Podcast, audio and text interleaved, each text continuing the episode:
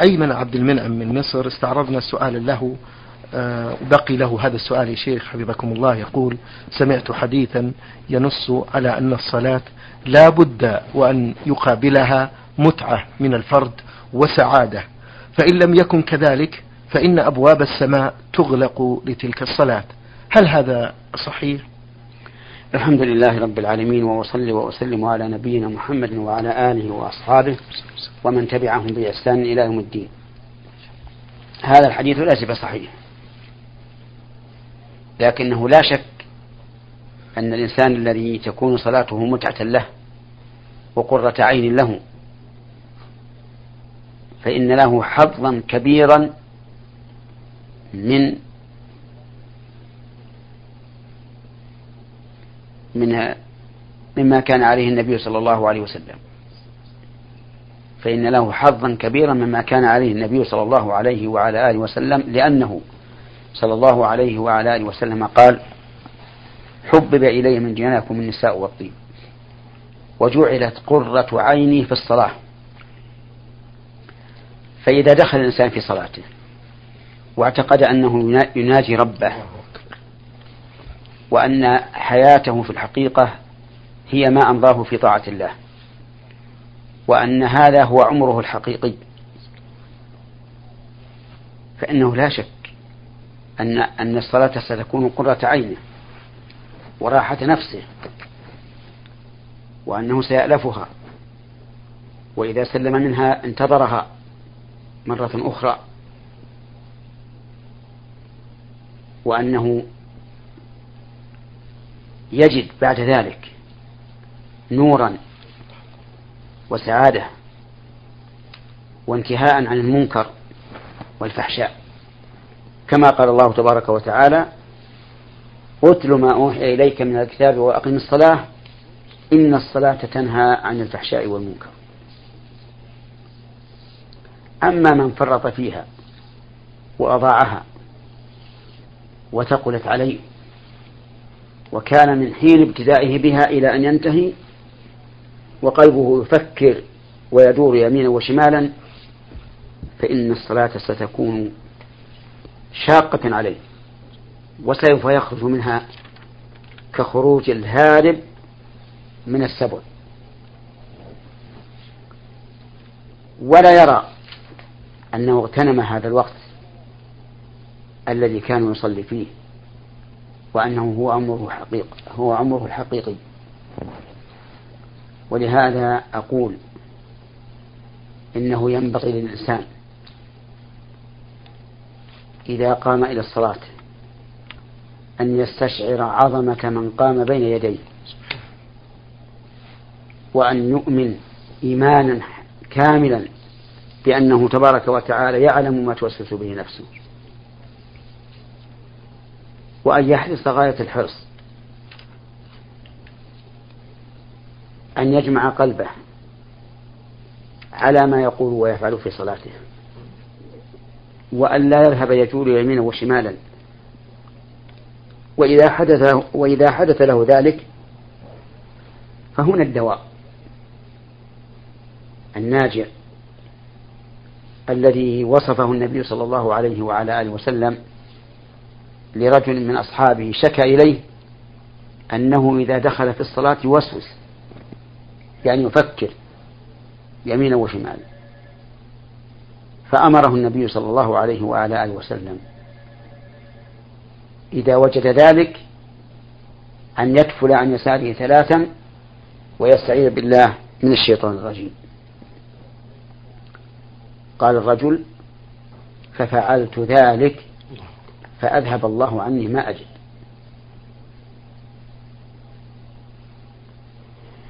نسأل الله أن يعيننا جميعا على ذكره وشكره وحسن عبادته. اللهم أمين. أحسن الله إليكم يا شيخ. آه السائلة أم مجاهد من الرياض تقول فضيلة الشيخ تقوم بعض النساء باستخدام حبوب منع الحمل لسنوات طويلة تصل حتى تصل إلى سن اليأس وذلك لسبب قوي. لأن زوجها وهو إنسان مقتدر وغني لا يصرف عليها وعلى أبنائها وبناتها حيث أنه متزوج من ثلاث نساء ولا يعدل بينهم ولديه منهن إحدى عشر بنتا وستة أبناء. فلا يهتم بتربيتهم ولا الاهتمام بهم ولا يهتم بالصرف عليهم في المأكل والمشرب والملبس والمسكن حيث قامت إحدى زوجاته ببيع ذهبها حتى تستطيع أن تصرف منها في تدريس أبنائها وتوفير المأكل والمشرب لهم حيث إنها غير متعلمة أمية وأحيانا كانت تقوم بدور الحاضنة لأطفال أختها الموظفة فتقوم أختها بإعطائها مبلغ بسيط من المال نظير هذه الحضانة لأطفالها.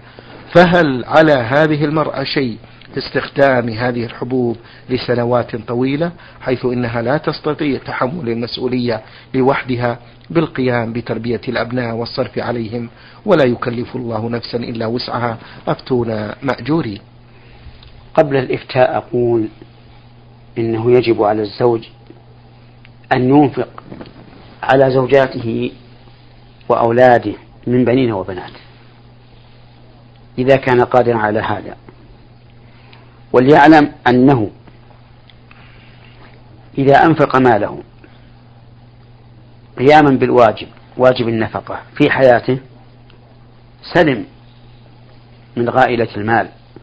ومن إثم المال وإن لم يفعل فسوف ينفق من بعده قهرا عليه. فيبوء بالإثم والعياذ بالله ويجمع لهؤلاء القوم الذين من الذين شح عليهم في حياته.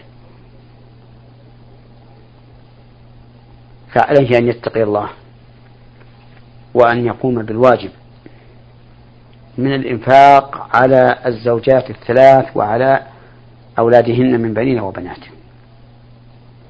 فإن لم يفعل فلكل واحدة أن تأخذ من ماله في غير علمه ما يكفيها ويكفي أولادها. كما أفتى بذلك النبي صلى الله عليه وسلم لهند بنت عتبة حين شكت إليها إليه زوجها أنه شحيح لا يعطيها ما يكفيها وأولادها. فأذن لها النبي صلى الله عليه وعلى آله وسلم أن تأخذ من ماله ما يكفيها ويكفي أولادها.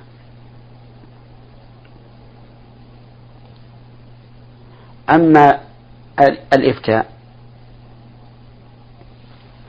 فأقول لا تستعمل حبوب المنع للحمل لا تستعمل حبوب منع الحمل من أجل قلة الأولاد.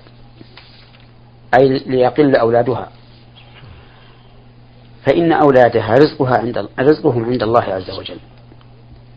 وكلما كثر الأولاد انفتح للرزق أبوابا.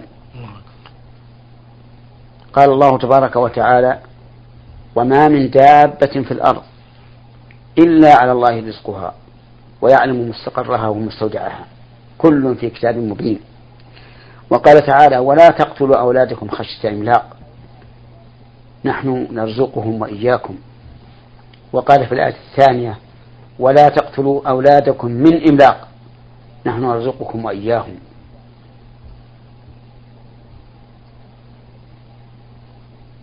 ولكن كثرة الرزق بكثرة الأولاد لها شرط مهم وهو تقوى الله وصح وصحة التوكل عليه. لقول الله تعالى ومن يتق الله يجعل له مخرجا ويرزقه من حيث لا يحتسب. ولقوله تعالى ومن يتوكل على الله فهو حسبه. إن الله بالغ أمره. قد جعل الله لكل شيء قدرا. فأقول لهذه السائلة لا تستعملي حبوب من الحمل. واستعيني بالله وتوكلي عليه. واعلمي أن رزق أولادك ليس إليك بل إلى من خلقهم جل وعلا. نعم. أحسن الله إليكم على هذا التوجيه المبارك شيخ. ما رأي فضيلتكم في من يحبس نفسه عن البول لأجل الصلاة والحفاظ على الوضوء وذلك للبرد أو أي شيء آخر؟ فهل عليه شيء؟ نعم عليه شيء. لأنه عصى النبي صلى الله عليه وعلى آله وسلم. فقد قال النبي صلى الله عليه وسلم لا صلاة بحضرة طعام ولا وهو يدافعه الأخبثان. فإذا صلى الإنسان مع مدافعة الخبث البول أو الغائط فقد عصى النبي صلى الله عليه وعلى آله وسلم. بل قد ذهب بعض العلماء إلى أنه لا صلاة له في هذه الحال. وعليه أن أن أن يتخلى أي أن يبول أو يتغوط. ثم إن وجد الماء وقدر على استعماله بضرر ونعم إن وجد الماء وقدر على استعماله بلا ضرر فليفعل. وإن لم يجد الماء أو كان يخاف الضرر باستعماله فالأمر واسع ولله الحمد. فليتيمم. وصلاته بتيمم بدون مدافعة البول أو الغائط خير من صلاته بوضوء يكون فيه مدافعا للبول والغائط. وليستحضر إذا دعته نفسه إلى الصلاة وهو يدافع الأخبثين ليستحضر قول النبي صلى الله عليه وعلى آله وسلم لا صلاة بحضرة طعام ولا وهو يدافعه الأخبثان. فإذا استحضر هذا فإنه لن يذهب يصلي وهو يدافع الأخبثين. نعم. أحسن الله إليكم وبارك فيكم فضيلة الشيخ. حقيقة هذه رسالة كتبتها فتاة رمزت لاسمها بخاء ميم دال من الرياض كتبت بأسلوبها الخاص. طويلة الرسالة ولكن سأقرأ منها ما يتيسر. تذكر بأنها فتاة تدرس بالجامعة تشكو من قسوة والدتها عليها. تقول حيث أنني لا أعرف كيف أرضيها إذ أنني أقوم بواجباتي نحو ربي من صلاة وصوم وعبادات ونوافل. ولكن قرأت بأن الله عز وجل لا يقبل أعمالي طالما أن أحد الوالدين أو كلاهما غير راض عني. أقول إن هذه الفتاة السائلة إذا كانت محافظة على دينها. على الوجه الذي الذي يرضي الله عز وجل. وكانت أمها صعبة عليها. ولا ترضى عنها. فإن ذلك لا يضرها. ما دامت مطيعة لله قائمة بأمر الله. ولكن عليها أن تداري الأم. وإذا غضبت وإذا غضبت الأم فلتبتسم في وجهها. وإذا تكلمت عليها ورفعت صوتها فلتخفض الصوت عن البنت. نعم. وبهذه المداراة وسؤال الله تبارك وتعالى أن يلين قلب أمها وأن يجعل فيه الرحمة. يكون الخير إن شاء الله. الفقرة الثانية. في فقرة من في آخر الرسالة يا شيخ تقول دائما يضيق صدري وتضيق بي الدنيا وأريد أن أتزوج من أي متقدم لي مع أن أملي في رجل صالح ولكنني الآن أريد أي شخص يتقدم لي مهما كانت علته. فهل أنا على صحيح؟ لا لست على صواب في هذا.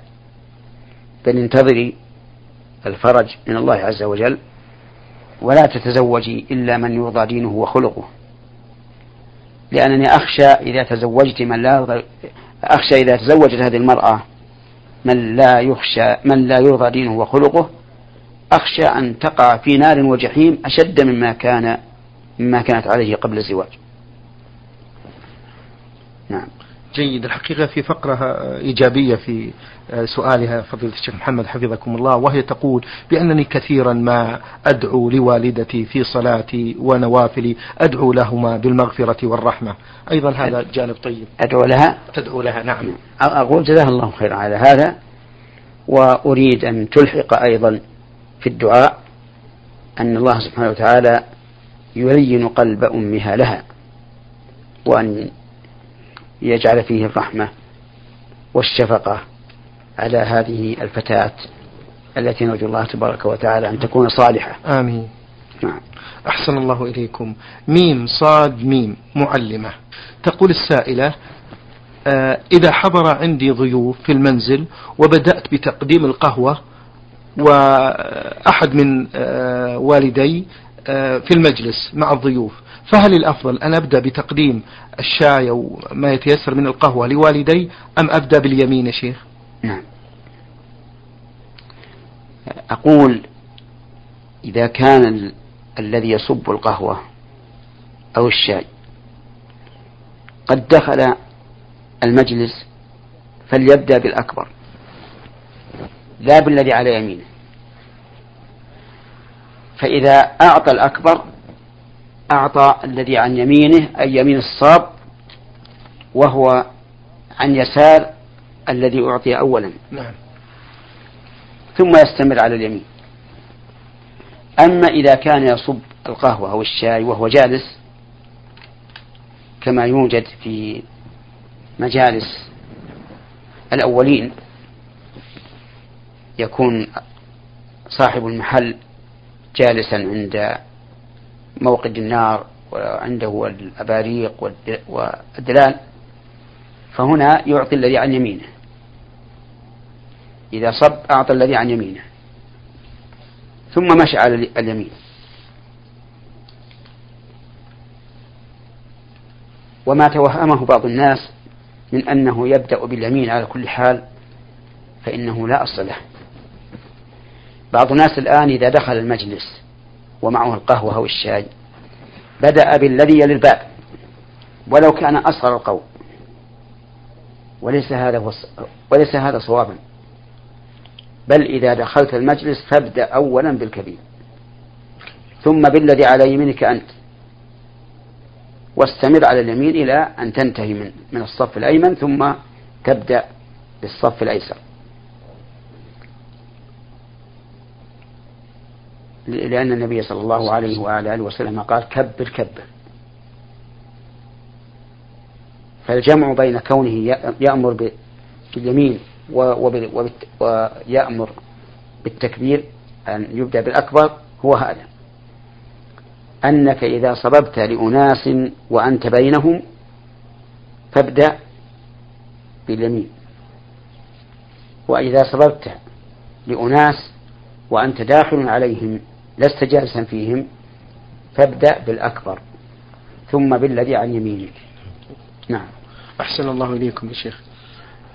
هل مساعدة طلاب العلم في حل ما استشكل عليهم من واجبات أو مساعدتهم وإعانتهم في عمل أبحاث لمجرد إعانتهم في إكمال مشوارهم وتشجيعا لهم وأحيانا لضيق الوقت هل يعتبر هذا من التعاون على البر والتقوى؟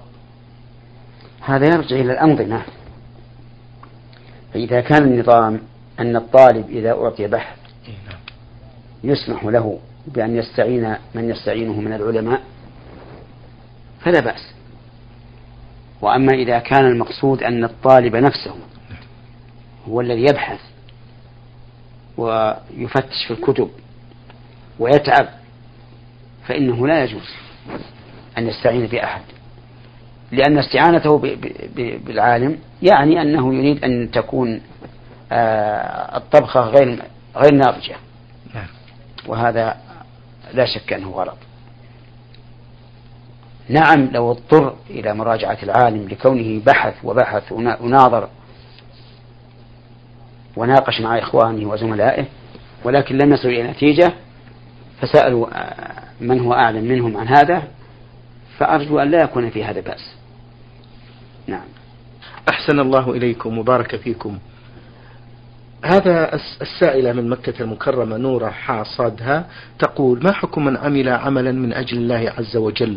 ولكن يخبر به من يرى أنه سوف يقوم بمثل هذا العمل لكي يعم الخير. نعم. هذا لا بأس به لأنه من باب التعاون على البر والتقوى. مثال ذلك رجل صائم. قدم إليه شراب من شاي أو قهوة أو ماء فقال إني صائم. من أجل أن يشجع الآخرين على الصيام. طيب.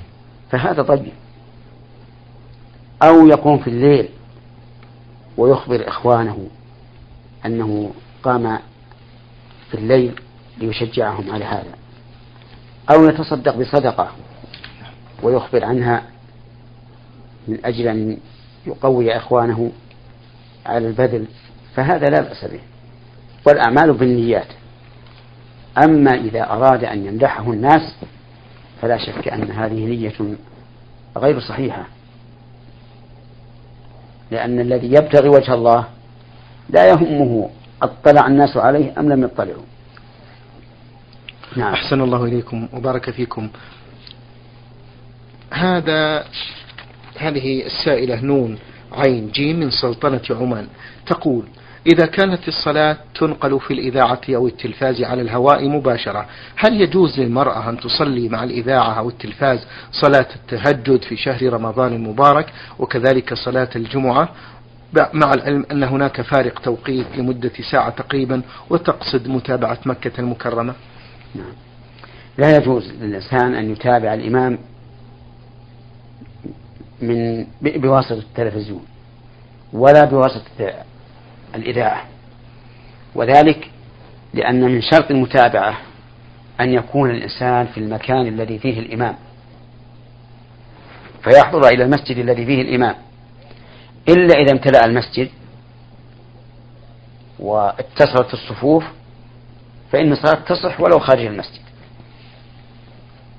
ومن المعلوم أن الذي يشاهد التلفاز من المسجد الحرام أو المسجد النبوي وهو في أماكن أخرى لا ينطبق عليه هذا الشرط. فلا يصح الائتمام بإمام تنقل صلاته عبر التلفزيون أو عبر الهاتف. سواء كان المصلي امرأة أو رجلا مريضا أو رجلا صحيحا.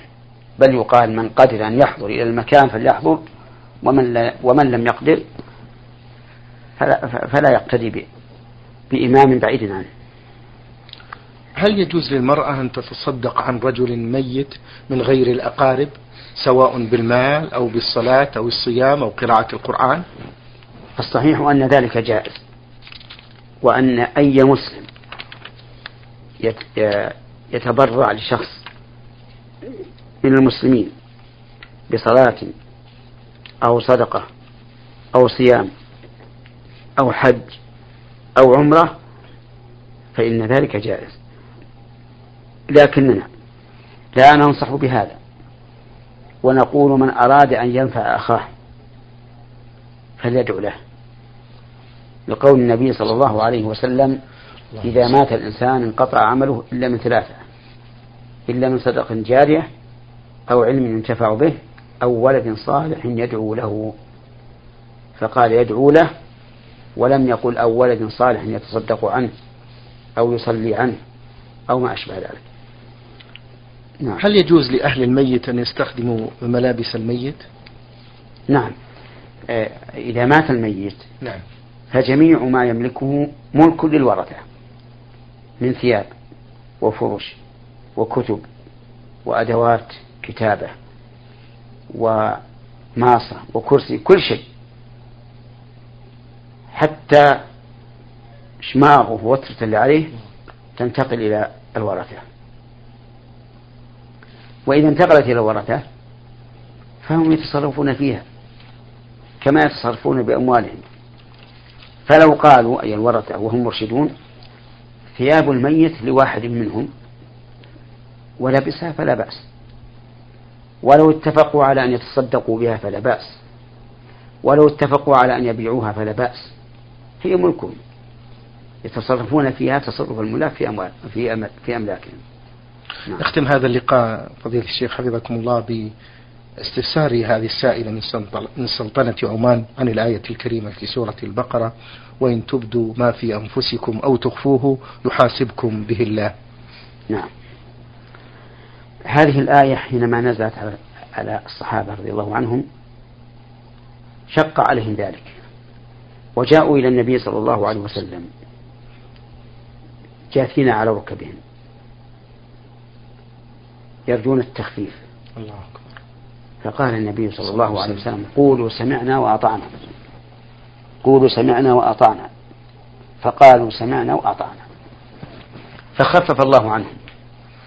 وأنزل قوله لا يكلف الله نفسا إلا وسعها لها ما كسبت وعليها ما اكتسبت. ربنا لا تؤاخذنا إن نسينا وأخطأنا. ربنا ولا تحمل علينا إصرا كما حملته على الذين من قبلنا. ربنا ولا تحملنا ما لا طاقة لنا به. واعف عنا واغفر لنا وارحمنا. أنت مولانا فانصرنا على القوم الكافرين. فرفع الله عنهم التكليف إلا فيما كان